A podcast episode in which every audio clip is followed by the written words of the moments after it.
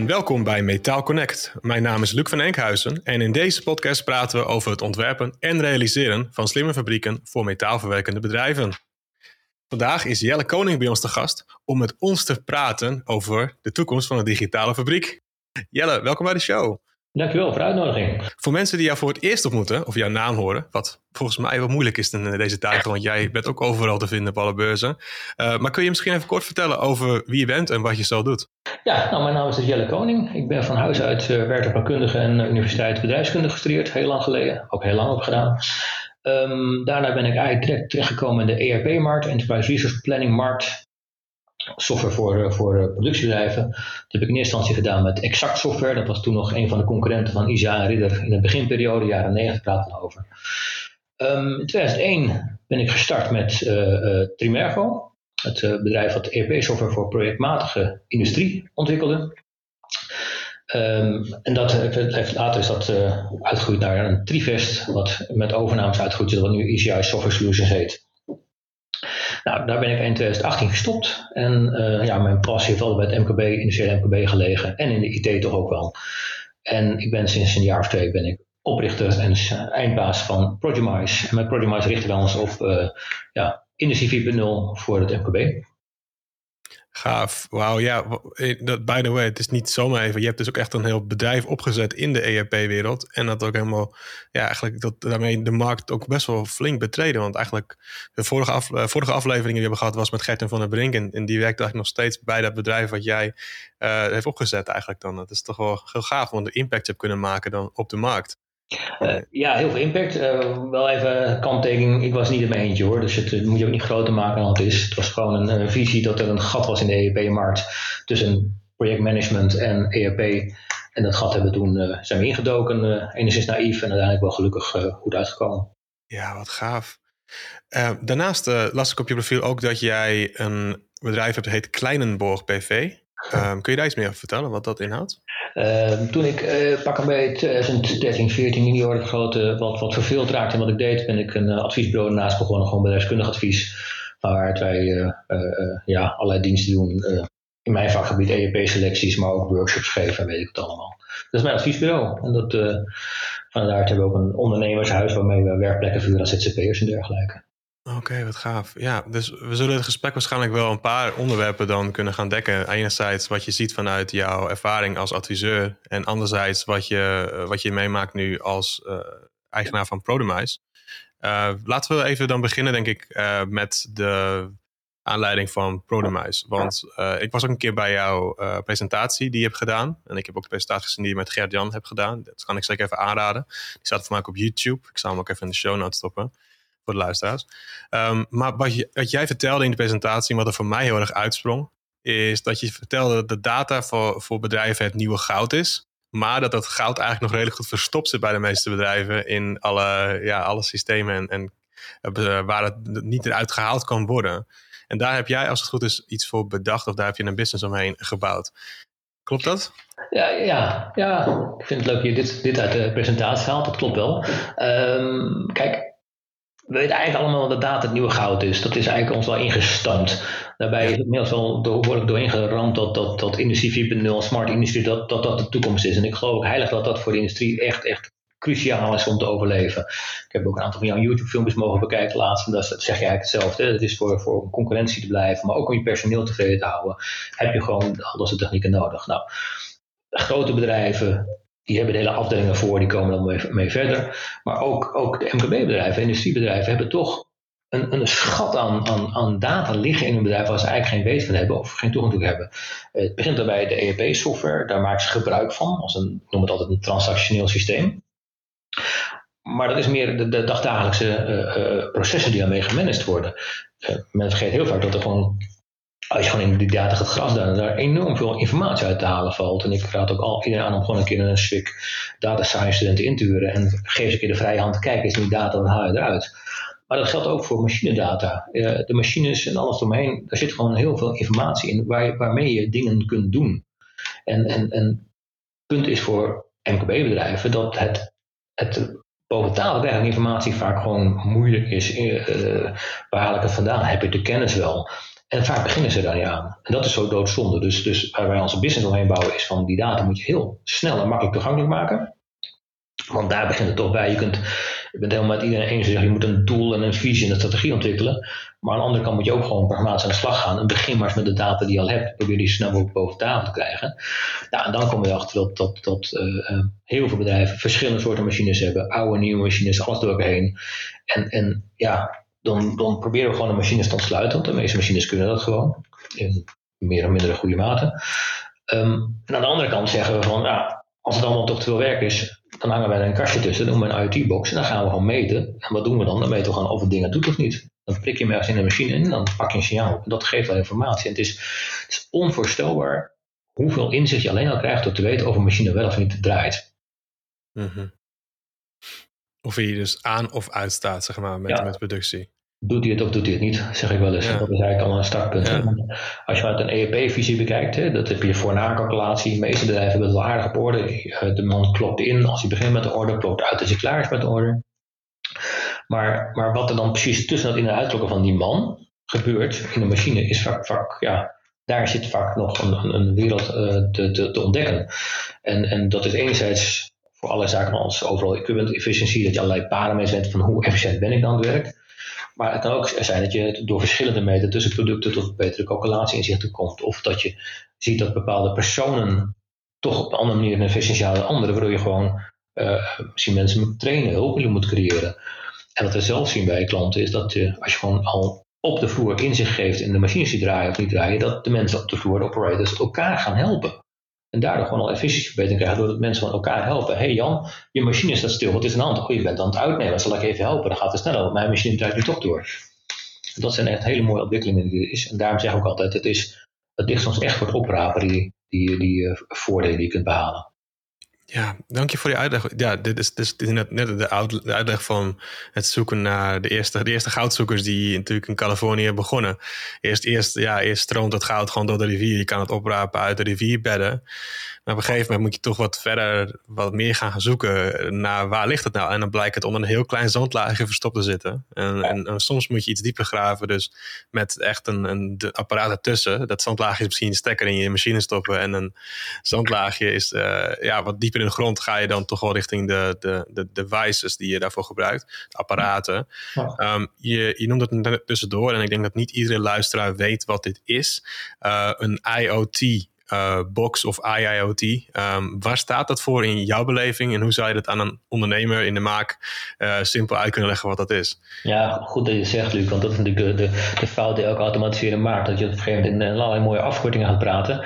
En dat ook juist waar met MKB vaak, vaak moeite heeft om te beginnen met deze projecten. Omdat ja, elke adviseur, waar ik dan ook gewoon eentje van ben, die, die, die, die, die zijn mond over van de afkortingen. Dus heel goed jij voor patenteert, want dat moet ik ook onmiddellijk afleren. IoT of IIoT, dat is het uh, Internet of Things of de Industrial Internet of Things. Dat is zeg maar, uh, um, ja, de term is heel breed. Uh, alles en alles verbinden, zo moet je het zien. Hè? De koelkast die is eigenlijk besteld op het moment dat er een, de, de melk opraakt. Nou, zo simpel. Dat, alles met alles verbonden.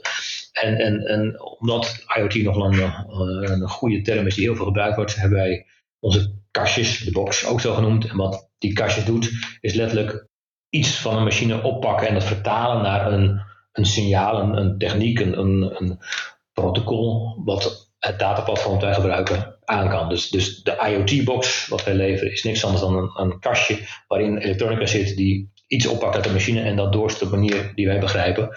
En, en, en, IoT staat dus voor Internet of Things. Oké, ja. Dus, dus de Internet of Things is de, de, de wereld waar we ons nu in bewegen. Dat is maar om ons heen. Er is, alle apparaten zijn met elkaar, de dingen zijn met elkaar verbonden. Uh, maar er zijn ook mensen die zeggen: nee, wacht even, dat is helemaal geen IoT. Wat wij aan het doen zijn, is de Industrial Internet of Things. En dat is anders. Uh, en dat komt omdat we werken met bepaalde standaarden in de productietechnieken. Uh, en de een zegt, ja, weet je, dat is allemaal weer een nieuw buzzword. Het zijn allemaal weer nieuwe toevoegingen. De ander zegt, nou ja, eigenlijk, als je er naar kijkt, het is wel echt fundamenteel anders. Hoe zie jij erin? Ik, ik, ik, ik, ik, ik sta er heel pragmatisch in. Uh, wat we net al even zeiden, de, de, de, we beginnen, bij klanten beginnen wij omdat we gewoon vinden, we moeten beginnen, want dan, dan, dan ga je dingen zien, dan ga je op gang. Ja. ik heb het niet over IoT of IIoT of over de theorie van. We hebben het -hmm. over, doet hij het of doet hij het niet En, en voor mijn klanten is het eigenlijk volledig oninteressant hoe je dat scherm, hoe je die data krijgt. Het gaat erom uiteindelijk dat het resultaat meer bereikt dat je gewoon inzicht krijgt in je machine en wat er gebeurt, inzicht krijgt in je processen en daarmee verbeterslagen kan maken. En dan een soort continuous improvement, weer zo'n mooi buzzword, in een soort continue loop van verbetering terechtkomt ja. om telkens maar beter te worden. En met name je personeelsleden beter te informeren, zorg dat die mensen ja, leuke werken doen, interessante werken doen, uh, minder druk bezig zijn met dingen die niet interessant zijn voor ze. En dat, dat is waar het uiteindelijk om gaat. Je personeel gelukkig maken en behouden. Oh dat is in deze tijd mm belangrijk. Ja. ja, dat doe je heel goed. En, en dit is volgens mij ook een hele belangrijk punt die je maakt. De, de, de, de uitvoerende kant van de techniek laat je over aan specialisten die in die buzzwords uh, ermee bezig zijn dagelijks. Maar als bedrijf moet natuurlijk wel de juiste vraag kunnen stellen wat je wilt verbeteren. En je geeft nu ook een paar duidelijke voorbeelden aan van dit zijn dingen waar we bijna naartoe moeten, dat onze medewerkers gewoon lekker kunnen werken. Uh, ik kan me heel goed herinneren dat jij in de presentatie uh, ook vertelde over een medewerker die uh, was het aan het lasten was volgens mij. En dan kon, was dat stuk was dan te zwaar voor hem om het alleen te tillen. En dan kwam je achter door het meten van dat hij stilstond of niet, continu bij hetzelfde product. Klopt, um, dat is een heel goed voorbeeld gegeven. Dat is bij een, een, een plaatwerker waarbij het las eigenlijk zijn aandacht vroeg. En, en met name zijn, zijn Die had hij wel goed op orde in zijn ERP-systeem, maar het was te variabel. Dus hetzelfde product kon soms goed, soms niet goed uh, in zijn naklatie uitkomen. Ja. En uiteindelijk was het, was zijn we dus lassen gemeten. En een saillant detail is dat dit echt het ouderwetse las is, niet alleen geavanceerde apparaten. Dus je hebt gewoon een lasapparaat, er zit geen ethernetkabel, een netwerkkabel in, geen wifi, niks. Dus we hebben gewoon daadwerkelijk de stroom gemeten van de, van de waardoor je gewoon ziet van oké, als er veel stroom heen gaat, dan zal hij wel aan het lassen zijn. Uh, en door die patronen te zien van per product, hoe de las, hoeveel er dan daadwerkelijk gelast werd. En ook dan per persoon, per product. En dan moet je een beetje oppassen met de AVG natuurlijk. Het was ook niet gericht op de persoon. Um, en dan zie je gewoon, krijg je inzichten. En dan ga je volgens met die inzichten ga je op de vloer kijken. Want uiteindelijk gebeurt daar. ga je met de mensen praten. En dan ontdek je inderdaad wat jij net al zei.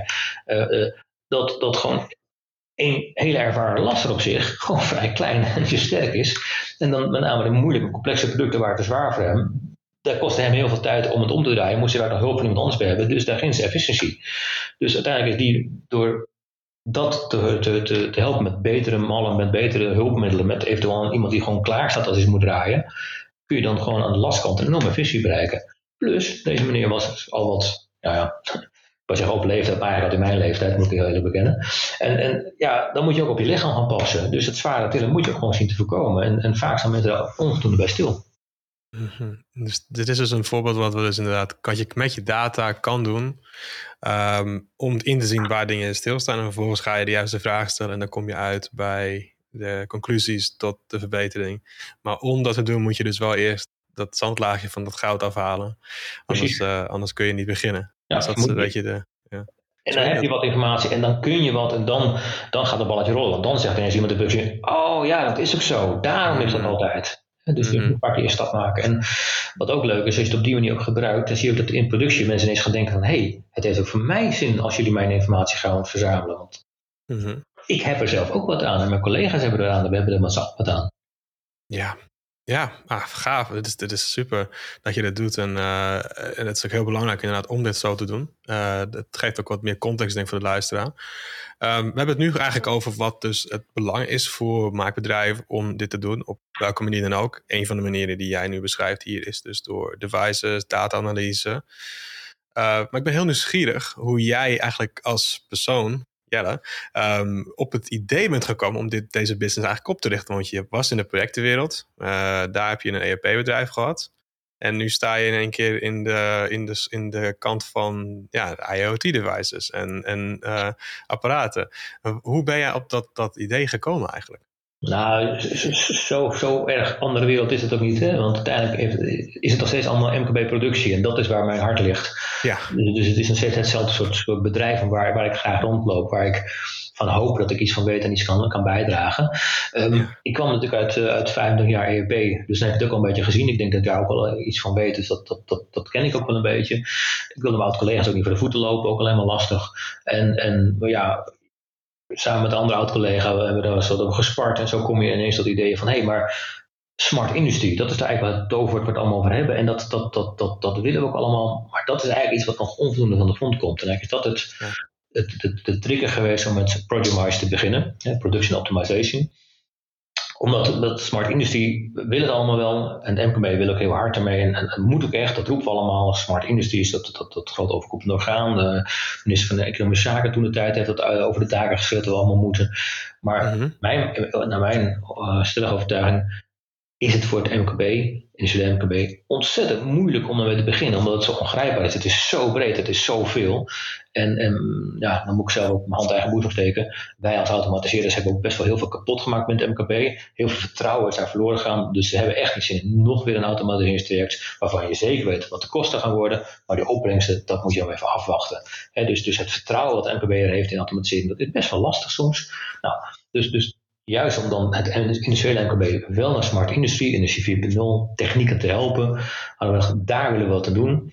Ja, en dan, dan ga, je, ga je kijken wat is daarvoor nodig. Dan ga je toch kijken, nou ja, laten we bij de machinedata beginnen. Want dat, dat is gewoon, daar zit gewoon, is nog het minste toegang toe. EEP hebben we al, Business Intelligence hebben we al, allerlei mm. tools, daar zit al tooling omheen. Maar met name aan de machinekant, en zeker bij bedrijven die verschillende merken hebben, verschillende leeftijd van machines hebben, dat is gewoon ontzettend complex om daar bij aan de slag te gaan. Um, toen hebben we daar gedacht van hoe gaan we daar een oplossing voor bedenken. Nou, dat betekent enerzijds, je moet die data uit de machines trekken. Nou, daar is voor bedacht, gezocht. En anderzijds moet je het goed kunnen visualiseren, moet je het goed kunnen opslaan, verzamelen. En daar hebben we een dataplatform voor gevonden. En ja, ja en ik ben niet een, een, een visionair die ineens een visie heeft, een heel groot plan en dan daarvoor gaat. Ik, ik ben iemand die iteratief gaandeweg, noem het agile, dat klinkt ook hartstikke mooi. Langzaamaan zo'n plan ontwikkelt. Dus je gaat gewoon een gesprek met mensen en er ontwikkelt zich op die manier een idee. Dus ook dat is niet zozeer mijn idee als wel het idee wat met velen ontwikkeld is.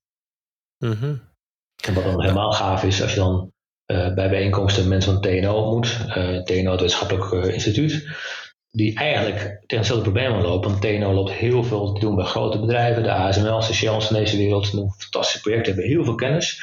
Maar ook zij hebben een maatschappelijke opdracht om het MKB ook zover te krijgen om hier mee te gaan. En zij ondervinden hetzelfde, dezelfde uitdaging hoe krijgen wij, hoe komen wij bij het MKB om de vloer om onze kennis daar te delen. Nou, en dan gaan op een gegeven moment allerlei, ja, allerlei kwartjes vallen. Allerlei, ja, en opeens komt alles samen.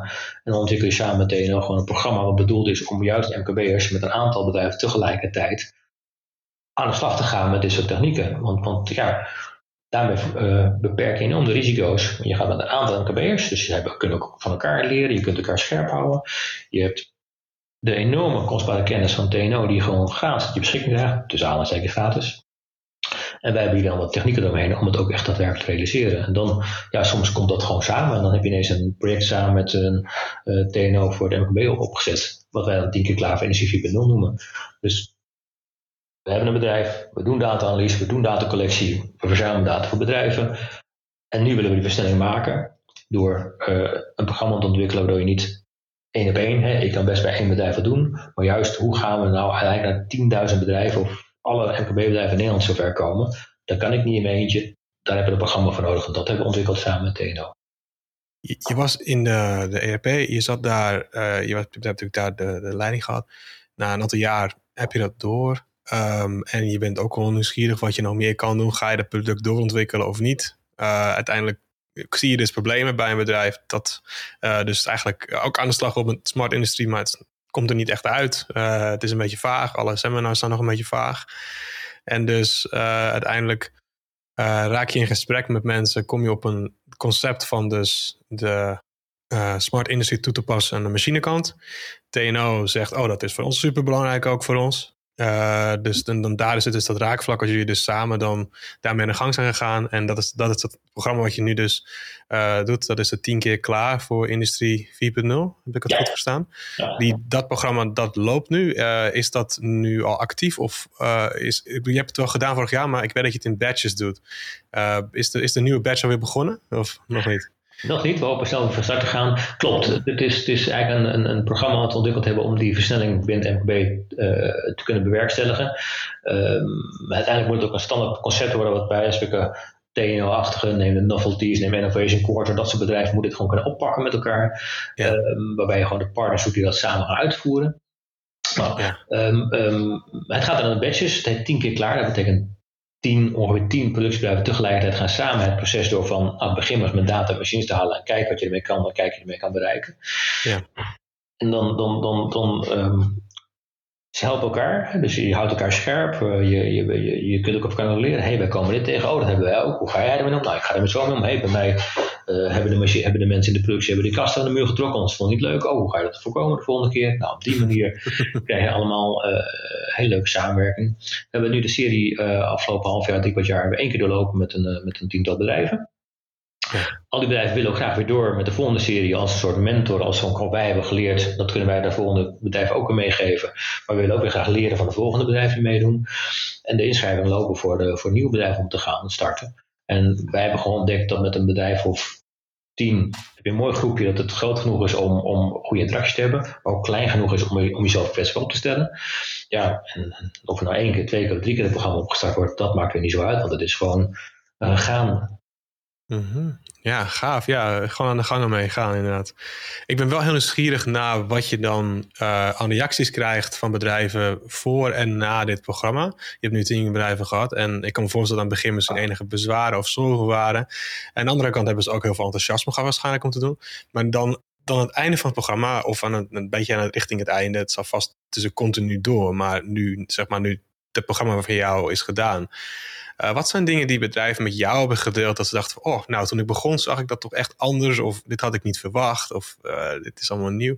Heb je misschien een paar voorbeelden voor de luisteraars die, die, die ze, waar ze zich in kunnen herkennen wellicht zelfs? Ah, een hele goede vraag. Uh, um, um, je ziet dat de eerste bedrijven meededen toch allemaal wat, wat, wat, voorlopers waren in de markt. Die allemaal wel al een beetje in de van, goh, we willen hier wat mee. Um, dat, dat, maakt het enerzijds makkelijker, want ze hebben allemaal wel de passie en de visie en ze hebben plannen. Aan de andere kant moeilijker, want ze hebben ook een idee hoe ze het dan willen gaan doen. En, en, en, en dat is soms lastig, want dan hebben ze soms een soort ja, uh, toekomstvisie die zo groot is, dat is niet even te realiseren. En je, zeg, je moet dus klein beginnen. Um, wat je gewoon zag is dat het ene bedrijf had het waanzinnig goed voor elkaar op papier. Hadden moderne machines, hadden allemaal contracten met de leveranciers afgesloten. Dat, zij, dat heet een open CUA, je weet een term. Een protocol dat de machines gewoon open stonden, dat je bij de data mag komen. Hadden allemaal afgetimmerd in contracten en dergelijke. Mm -hmm. uh, te, aan de andere kant die bedrijven die dat helemaal niet voor elkaar hadden. Juist hele oude machines. Uh, die stonden dus veel heel anders in de, in de race. En dan kom je bijvoorbeeld tegenaan op dat, ondanks dat bedrijf het heel erg goed voor elkaar heeft op papier, blijkt dat het helemaal niet zo makkelijk is. Dat het toch net niet werkt. Dat het toch de data uit de machine helaas niet klopt. Of eerst geïnterpreteerd moet worden voor je hem kan gebruiken. En mm. dan zie je ook bij ontstaan dat andere bedrijven die eigenlijk van plan was, die al die contracten ook afsluiten, die zeggen gewoon simpel van ja, als het zo moeilijk is, doe mij dan, ondanks dat ik een moderne machine heb, doe mij dan wel gewoon zo'n kastje, er wel tussen, want die klopt gewoon altijd. Nou, dat, je, dat, dat soort dingen zie je ontstaan. Dat gewoon puur door ervaring van elkaar, van elkaar leren, uh, dat het is uiteindelijk, zeggen eigenlijk alle partijen wel, van goh, uh, um, ik wist niet dat je zoveel inzet kunt krijgen met zoveel, zo, zo beperkt hoeveelheid data eigenlijk. Dat is wel wat mooie wat je eigenlijk krijgt. En we zien ook allemaal dat van, als je eenmaal die data hebt, dat dan pas het denkproces op gang komt. Dan pas van, hé, hey, wat ik nu zie, oh, maar nu wil ik. Nou, bijvoorbeeld een van die klanten hebben dan uh, onlangs dan de EEB-koppeling maar gemaakt. Dan zeggen van, ja, ik heb een leuk die aan-uit van de machine nu staan. Maar welke orde draait er nu? Nou ja, als je dus de moderne datamoment dingen hebt, ook bij CUA, dus de informatie uit de machine trekt, dan staat er wel vaak ordeinformatie bij. Maar als je nu met een kastje gewoon meet hoeveel stroom erin gaat, ja, dan heb je geen ordeinformatie. Dus dan kom je weer bij andere partijen terecht. Ja, nou, wij kunnen wel die EP-data aanleveren, dan ga je die weer combineren. En dat, dat is soms gewoon een iteratief proces. Dan moet je gewoon, daar loop je gewoon tegenaan. Dat is gewoon wat, wat enorm mooi is om te zien, waarbij de meeste klanten ook gewoon steeds enthousiaster worden naarmate ze verder komen. Ja, oké. Dus wat me, wat me verbaast aan, aan, aan de uitleg is, dus er zijn dus bedrijven die, die beginnen al met, van tevoren met een plan en zeggen wij willen de technieken van uh, IoT, dus de, de, de, data-analyse toepassen in onze business. Hebben allerlei voorwerk gedaan met, met machinecontracten, uh, afspraken met leveranciers. Um, maar dat betekent niet altijd dat zij daardoor uh, de snelste resultaten kunnen krijgen, omdat het misschien juist dan daardoor dus te complex of te afhankelijk is van de partijen die al die data moeten aanleveren. Dan begrijp ik nu uit je verhaal een beetje.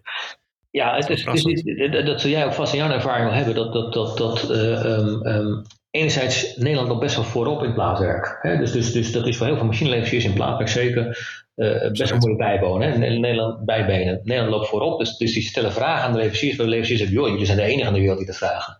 Nou, ja. aan, de, aan, de, andere kant zie je dat, dat de meeste machineleveranciers leven nog in het verleden een beetje. Dat zij denken van, hé, hey, maar die data dat is ons bezit. Dat, dat moeten wij bij ons houden. Dat is, dat is, daar gaan wij geld aan verdienen. Terwijl mijn stellige overtuiging is van, gooi de boel open. Want dan wordt iedereen gelukkiger van, inclusief de machineleveranciers. Nou, dus mm. ja, al dat soort cultuurdingetjes ook zie je dat, dat, dat het ontsluiten van data, ook al heb je het in je contract staan, ja, dan zit het dan net verstopt achter iets. Of je krijgt niet alle data. Of letterlijk dat jij uit de machine leest van hij staat stil en de machine zie je draaien. Nou, dan, dan, dan ja, heel plat gezegd, zak mijn broek af. Hoe kan dat nou? En dan blijkt dus dat als je dit en dat en zus en zo en die dingen allemaal combineert, dan kun je ook, ja, dan klopt het misschien wel. Ja, en dat is nu, ja. Het zou zoveel mooier kunnen zijn als alle machines gewoon vijf, zes, zeven parameters die iedereen altijd nodig heeft, gewoon altijd op dezelfde manier ontsluit. Noem het SCSN voor de machines. wat, wat is onder, onder, het is een ERP-uitwisseling van data gerealiseerd met SCSN. Ze zijn het ook met machineleveranciers genoemd. Maak nou één setje van een beperkt aantal dingen die iedereen wil weten. En dan gaat het niet over de, de, de, de parameters van de machinebesturing, van de hoeveelheid volt wat er doorheen gaat, op de, de, de waaier van de beam. Van mm. Nee, het gaat echt over dingen van, van wat is de status, hoeveel gaat er per minuut door. Gewoon een paar basisinformatie, als die allemaal alle leveranciers altijd op dezelfde wijze gegeven worden, dan zou het ons leven zoveel makkelijker maken. En dan zou elke MKB'er echt binnen nood aan een smart industrie kunnen. Right. Right. Kunnen we stellen dat, dat veel machinebouwers uh, in de maakindustrie, dus de, de machines die wij allemaal gebruiken als productiebedrijven, eigenlijk nog niet ontworpen zijn met het doel van echte connectivity, maar meer misschien met diagnostische doeleinden voor de maker zelf? Dus de, dat zij uh, hun producten beter kunnen maken nadat je het koopt, soort van die belofte. Dat is ook een beetje de Industrie 4.0 belofte natuurlijk. Je, koopt een Tesla, de Tesla wordt beter naarmate je er meer mee rijdt. Je koopt een, lasermachine en naarmate je meer hebt gebruikt, weet je meer over je proces, dus wordt het beter. Dat is allemaal mooie belofte, maar als je de data eruit wil halen, dat is nog een heel ander vraagstuk dan, begrijp ik nu. Dus dit is een beetje die, die, die dialoog. Ja, klopt. De, de, machines zijn wel degelijk connected. Hè? Dus connectivity is geen probleem, alleen wat je zegt. Uh, vaak gericht op, op, op, op, op uh, informatie naar de leverancier, de machineleverancier toe. Ja. Um, um, ook wel, ook wel een beetje, want natuurlijk ook de machineleveranciers in een businessmodel toegaan naar uh, pay-per-use. Hè? Dus, dus dat de machineleverancier gaat meten, oké, okay, hoeveel gebruik je dan, dat je gaat betalen per gebruik.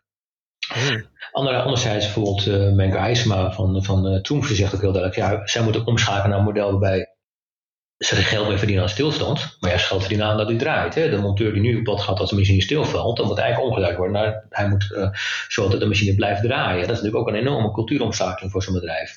En dat kunnen zij alleen maar doen als zij ook genoeg informatie uit de machines krijgen.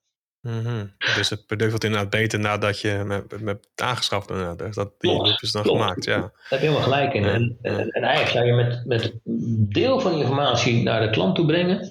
En dat doen ze vaak wel. Hè? Vaak zie je op de eigen schermpjes van de machine zie je ook wel informatie die ook best interessant is. En je ziet ook soms wel dat ze weer een softwareprogramma om de machines heen hebben die weer dingen kan verzamelen. Maar juist fabrieksbreed voor alle machines in je fabriek gewoon dat, dat, dat gewoon simpel weergeven, dat is soms best wel een plus.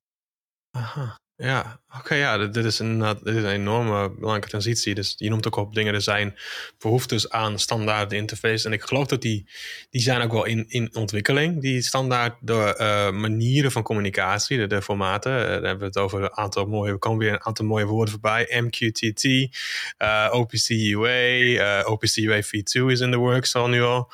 en, maar dat zijn mooie woorden, maar inderdaad, als de machine ontwerper het niet meeneemt als een criteria dat het zo moet gaan werken, dat je dat kunt uitlezen, ja, dan kun, kan je best in dat formaat data uitgeven. Maar als niet, ja, die data die dus ook niet uitgegeven wordt, dan heb je er natuurlijk niet heel veel aan. Uh, en dat ja, lastig. Het is vaak techniek, hè? dus de protocollen, MQTT en, en. OPCUA. Uh, dat, dat, dat werkt ook prima, alleen het is, ja. het is maar een protocol. En het gaat er eens wat je erin zet. En als je nou ja, voor de techneut eens een keer een OPCUA-connectie bekijkt en wat daar voor een ja, pardon name French, een shitload aan data naar buiten komt. En dan moet je maar puzzelen, want wat waar staat en wat wat betekent.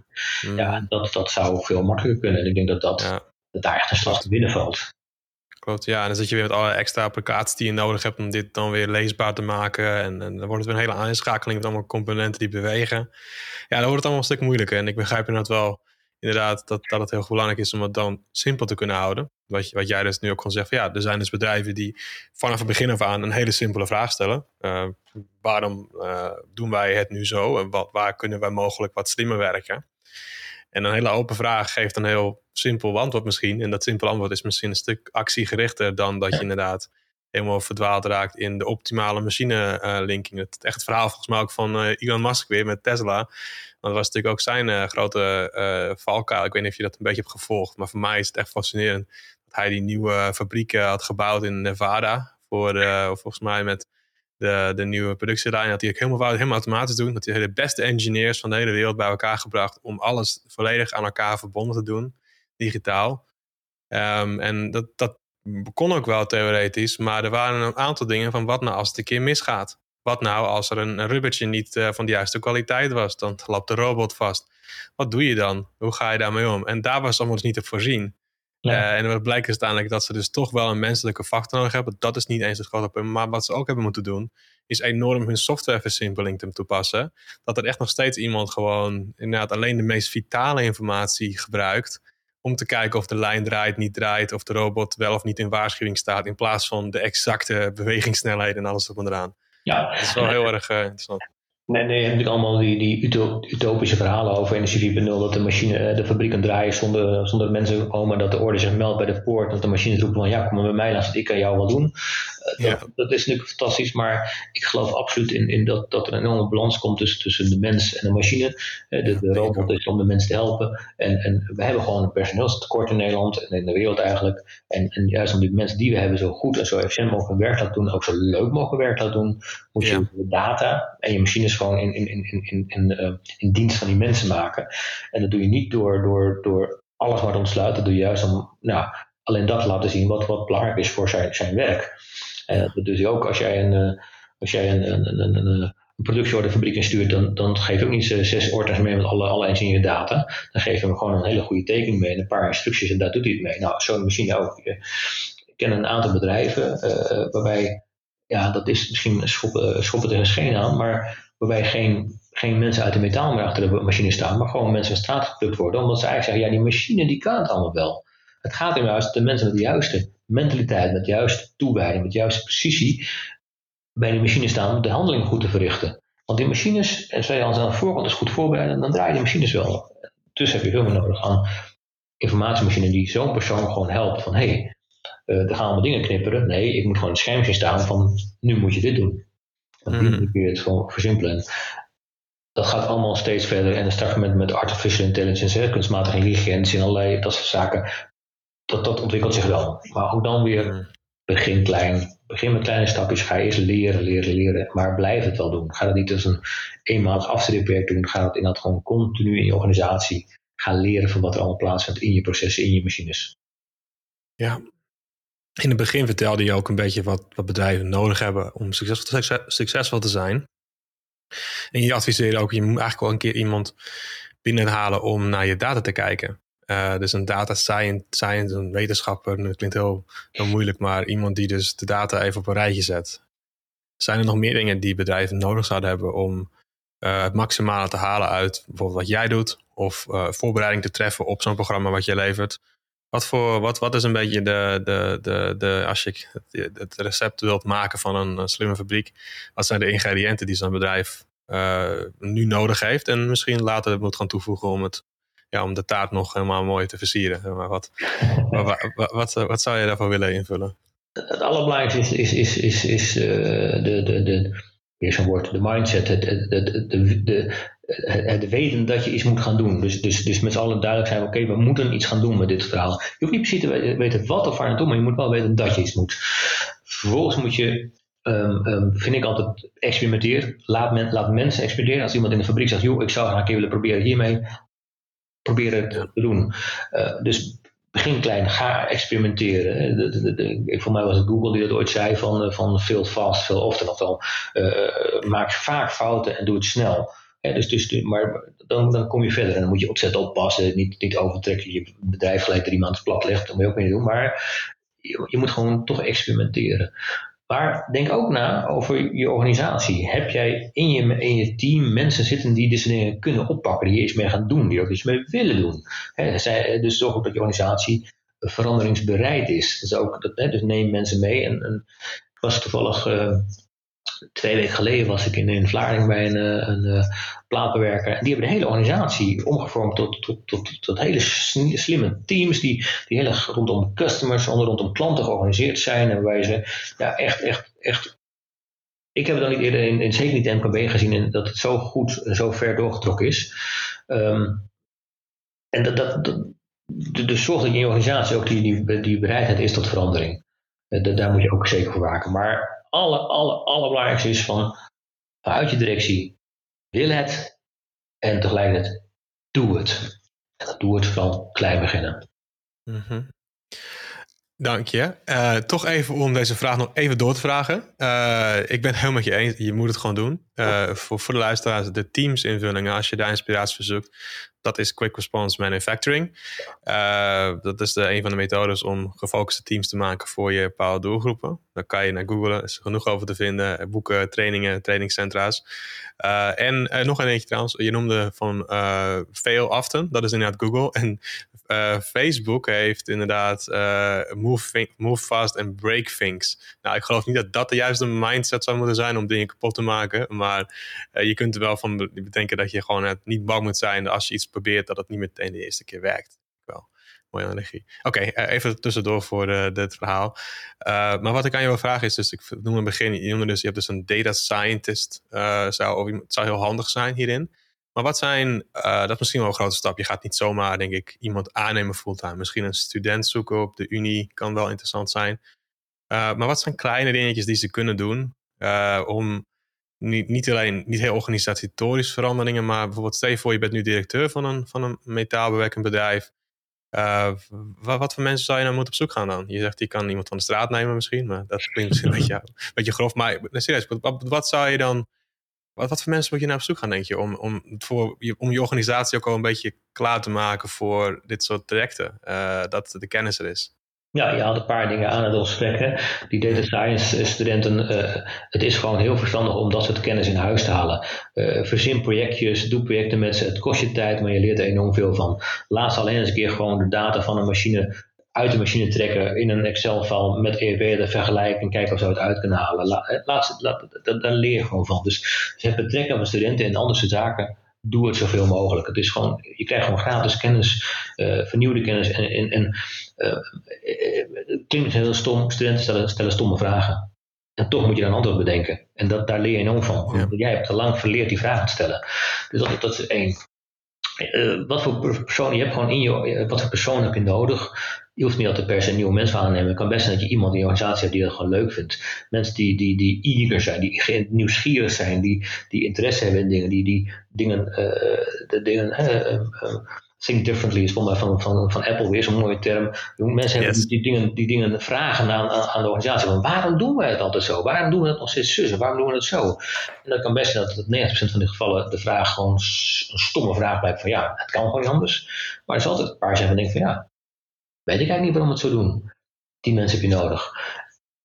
En je hebt eigenlijk iemand nodig in je organisatie, vind ik, die gewoon met een bepaalde uh, status ook, ook dingen mag doen.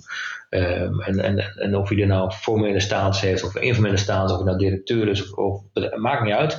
Maar iemand die, die, die plannen mag maken, dingen mag uitzetten, dingen mag proberen. Dus, en dat is natuurlijk wel een, iets, er moet dan iets van budget voor zijn. Zo iemand zal tijd vrij moeten maken om daar daarin te investeren. En dat is iets wat dus de directie van een bedrijf moet bedenken. Ja, daar moet je tijd voor vrijmaken. En dat is heel moeilijk, want je hebt te weinig personeel, het is al druk. En ook nog iemand vrijmaken om een beetje te laten experimenteren.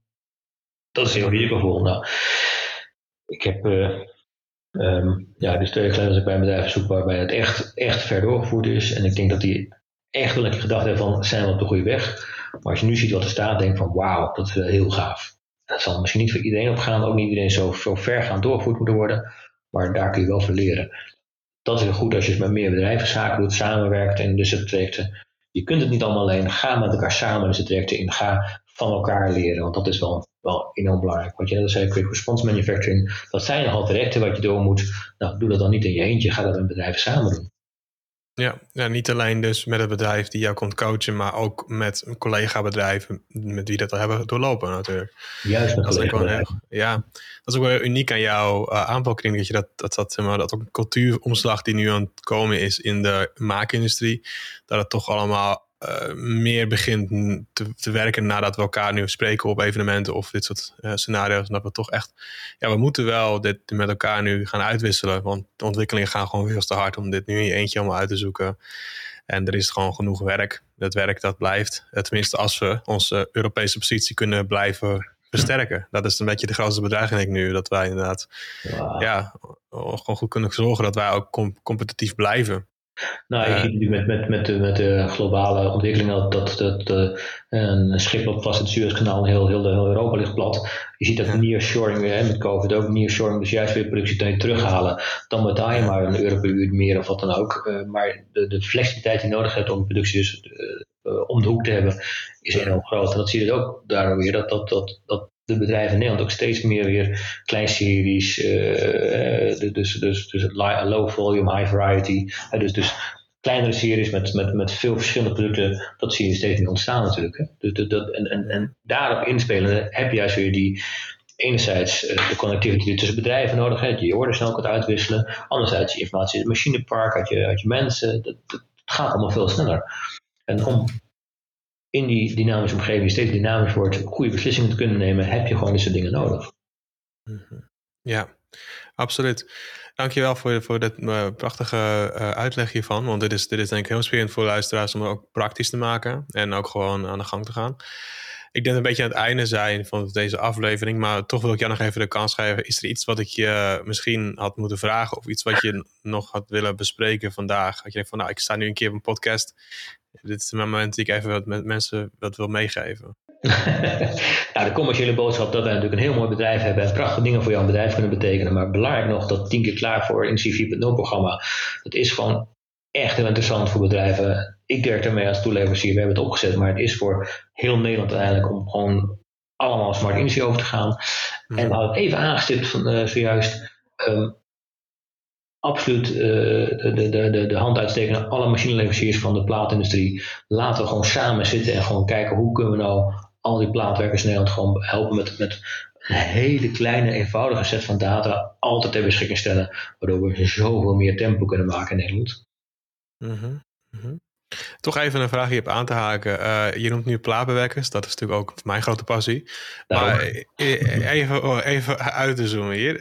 Ik hoe zit het dan met andere uh, verspaning bijvoorbeeld? Of uh, de houtbewerking? Of hoe, hoe, hoe zit het daar in die industrieën dan? Is dat daar algemeen goed dat alles gewoon uitgewisseld wordt? Of? Nee, en goed dit zegt hoor. Ik, ik, ik noem het benadruk omdat ik weet dat, dat jouw, jouw, jouw primaire doelgroep is toch heel veel de plaatwerkindustrie. Maar uiteindelijk, uiteindelijk uh, is mijn, mijn doelgroep, mijn, mijn ligt bij het MKB-industrie. En of het dan een drijfvleesbedrijf is of een plaatbewerker. Uh, heb je machines uh, in productie, dan, dan kun je daar wat mee. Daarnaast hebben we ook nog een doelgroep, dat zijn de machinebouwers. Want de machinebouwers, en dan praat ik niet over de grote, maar de, de MKB-machinebouwers, die hebben vaak uh, uh, dat hun klanten ook weer vragen van ik heb de data uit die machine nodig. Nou, dan kun je ook, dan, dan is dat een doelgroep waarbij wij een platform leveren aan die machinebouwers om hun klanten weer te helpen te, te digitaliseren. Ja, en het goede voorbeeld te geven voor hoe de bedrijven die jij nu eigenlijk oproept van doe dat ook eigenlijk. Geef ons ook die informatie. Ja. Dus het goede voorbeeld te geven in de markt. Dus, dus ja, eigenlijk die, saai, die, ja. die data is van jouw klant. De data is van dat productiebedrijf. Die is eigenlijk, dat is zijn data. Die moet ik mee verbeteren. Dat is het uitgangspunt inderdaad. De data die is van jou. Ja, dat, dat, is natuurlijk ook gewoon de kern van eigenlijk alle ontwikkelingen die we op Europees niveau ook zien. Het volgens mij natuurlijk nu. Ja.